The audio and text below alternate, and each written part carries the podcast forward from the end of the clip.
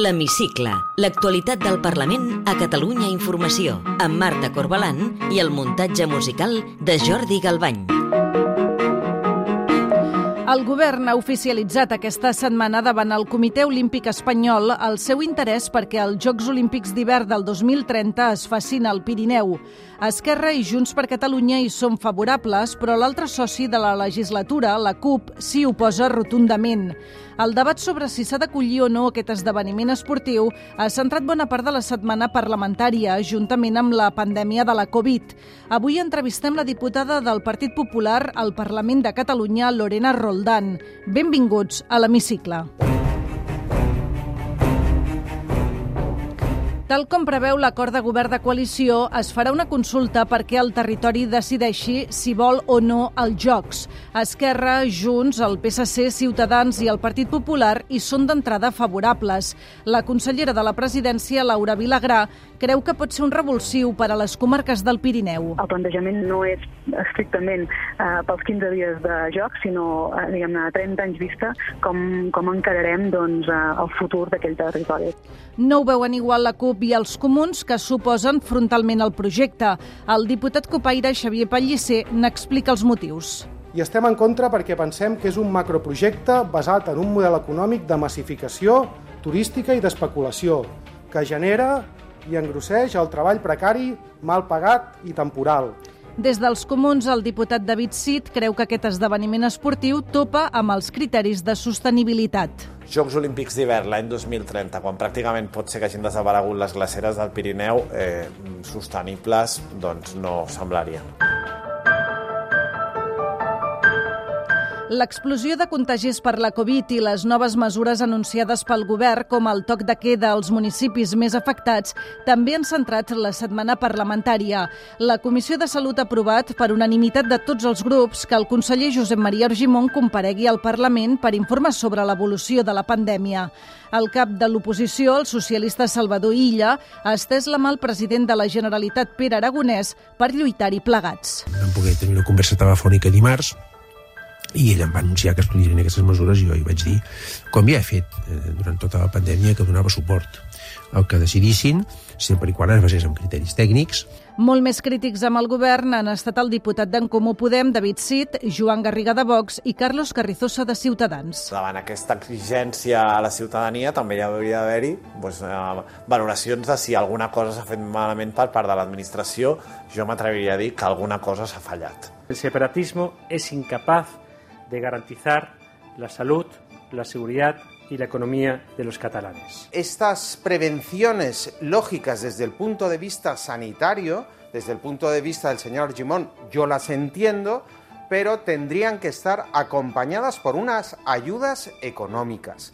La portaveu de Junts per Catalunya, Mònica Sales, ha replicat totes les crítiques defensant la gestió del govern. Hem de ser comprensibles i complir precisament aquestes mesures que adopta el govern per reduir la interacció social. Cal mantenir, evidentment, l'equilibri entre salut i economia, com s'ha fet des de l'inici de la pandèmia. La presidenta del Parlament, Laura Borràs, s'ha reunit aquesta setmana amb tots els grups per traslladar-los les demandes que li han fet arribar a les diferents entitats de la societat civil amb qui s'ha reunit des de l'inici de la legislatura. Entre les propostes destaquen l'aprovació d'una llei de la ciència o la creació de diferents comissions, com una d'avaluació del sistema sanitari, una altra per a la reconstrucció econòmica o una d'acció climàtica. Borràs vol que el Parlament sigui una cambra oberta a tothom. En la ronda de contactes el que he estat fent és donar comptes d'aquests 100 dies al Parlament, en totes les audiències que he tingut, totes les iniciatives legislatives que es poden desprendre, totes les inquietuds que tenen moltes d'aquestes entitats o sectors de la nostra societat i, per tant, en lloc de que només quedin en la presidenta, la presidenta doncs, he pensat que, que pot tenir un, més gran utilitat tenir aquestes converses amb els presidents dels grups parlamentaris, fer-los partíceps d'aquesta obertura de, del Parlament. Des de l'inici de la legislatura, la presidenta del Parlament ha tingut una seixantena d'audiències públiques. I aquesta setmana al Parlament també s'han presentat diferents iniciatives legislatives, algunes per fer front a la problemàtica de l'habitatge, com la proposició de llei que ha registrat Esquerra per demanar al Congrés que la Sareb cedeixi el 30% dels seus habitatges a l'administració perquè els destini a lloguer social. La portaveu d'Esquerra, Marta Vilalta, assegura que amb aquesta iniciativa es vol garantir el retorn social del rescat bancari. L'esforç aquell ingent de l'any 2008 per rescatar la banca amb carretades de milions, ara ha de tornar a la ciutadania. I, de fet, ja anem molts anys tards, però, diguéssim, som-hi, ens toca fer-ho. El PSC també ha presentat un pla de xoc social de 1.500 milions d'euros que beneficiaria, segons els seus càlculs, més de 2 milions de catalans. Entre les mesures que plantegen, per exemple, hi ha l'ampliació de la cobertura de la renda garantida de ciutadania i de l'ingrés mínim vital i diferents accions per garantir l'accés al mercat laboral i a l'habitatge. Les propostes les portaran a debat parlamentari a través de mocions i a través d'alguna proposició de llei. Té la paraula soc la Lorena Roldán, diputada al Parlament de Catalunya pel Partit Popular. Aquests dies estem vivint una explosió de contagis per la Covid. Veu bé les mesures que ha adoptat el govern com el toc de queda per a aquells municipis amb més incidència? Entenc que s'ha de fer per responsabilitat, per intentar frenar els contagis i sobretot crec que hi ha d'haver també mesures paral·leles que s'estan fent, com per exemple vacunar doncs, a la franja dels més joves, que sembla que són els que estan patint més els contagis i no només patint els contagis, sinó que són els que poden eh, propagar de nou el virus en altres franges més complicades. Per tant, aquestes eh, mesures restrictives entenc que són necessàries, però insisteixo que paral·lelament n'hi ha d'haver altres també per intentar frenar aquests contagis. La Conselleria de Salut ha convocat els grups de l'oposició per informar-los de l'evolució de la pandèmia? Sí, hi ha molta predisposició per part del conseller Argimon i de tot l'equip del departament. Ens vam veure bueno, virtualment en una reunió per Zoom la setmana passada i han demanat també la compareixença del conseller Argimon a la Comissió de Salut. S'ha demanat per part dels grups, però també per part del propi conseller que vol venir a explicar-nos. Veurem a veure quan podem fer aquesta, aquesta sessió um, de compareixença perquè per dates ho tenim una mica complicat, venen setmanes de, de plens, però intentarem a veure si ho podem encabir abans de, de l'estiu perquè se'ns informi una mica de les dades i sobretot puguem tenir la foto completa per pensar doncs, en les solucions a les mesures que cal adoptar. Aquesta setmana la Generalitat ha decidit tirar endavant la candidatura Pirineus-Barcelona per acollir els Jocs Olímpics d'hivern del 2030. Des del Partit Popular donen suport a aquesta iniciativa?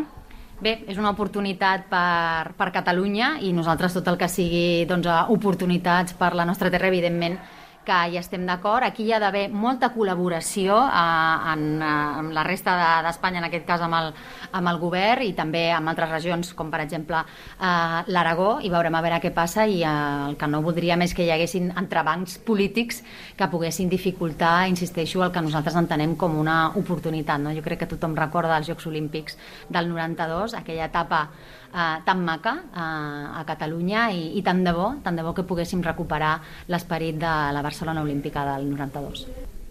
Una altra de les qüestions que ha marcat políticament aquesta setmana és el fons aprovat pel govern per cobrir les fiances dels encausats pel Tribunal de Comptes. El seu grup, juntament amb Ciutadans, ha demanat un dictamen al Consell de Garanties Estatutàries. Si aquest òrgan consultiu dictamina que el decret s'ajusta a la legalitat, el PP el recorrerà igualment a la justícia?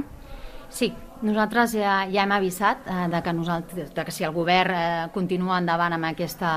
És que no sé ni com qualificar-ho perquè em sembla que és una estratègia... bueno, eh, ja veurem com, com, com queda tot, però nosaltres ho portarem davant de la justícia perquè ens sembla un escàndol. Al final ens sembla que això és la malversació de la malversació. És a dir, el que no pot ser és que els catalans haguem d'avalar, haguem de pagar aquestes fiances amb els recursos públics que són de tots perquè unes persones van decidir en el seu dia doncs, agafar uns calés que no eren seus per dedicar-los amb uns interessos personals i vull recordar que és que estem parlant d'una causa oberta per malversació de 5,4 milions d'euros. Això ens sembla una barbaritat.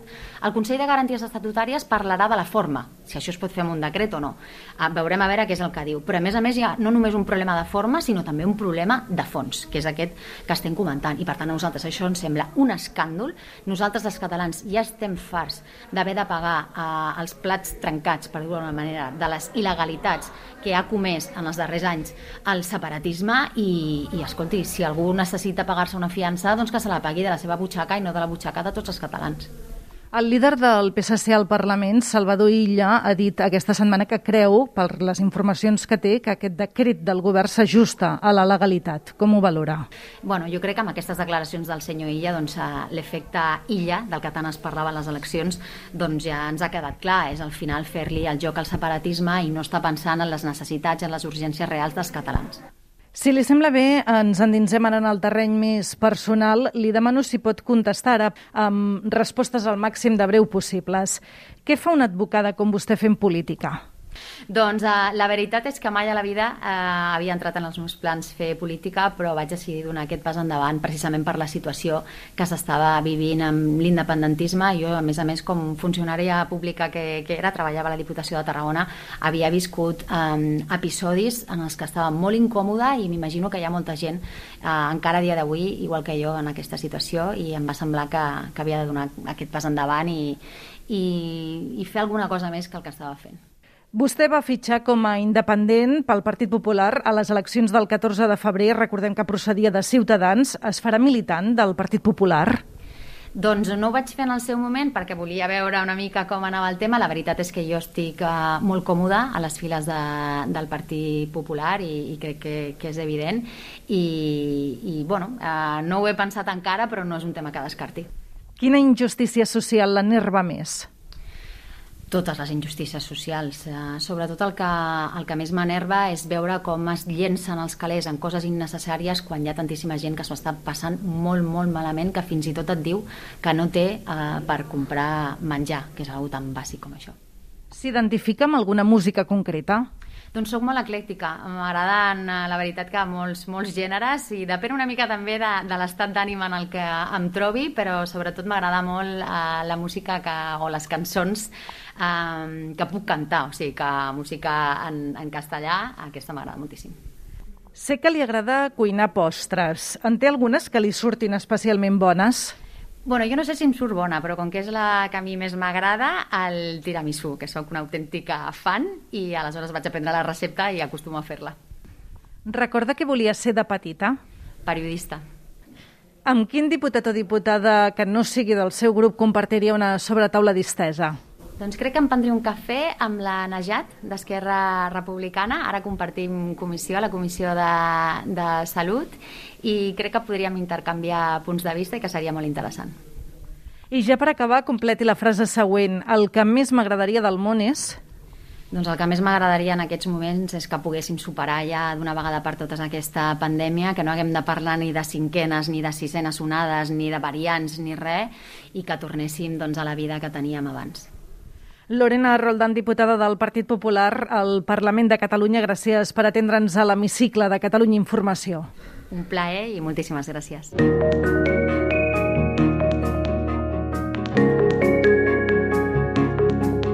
Podeu tornar a escoltar l'hemicicle al web catradio.cat barra hemicicle o al podcast del programa i seguir l'actualitat del Parlament al perfil de Twitter arroba L-hemicicle.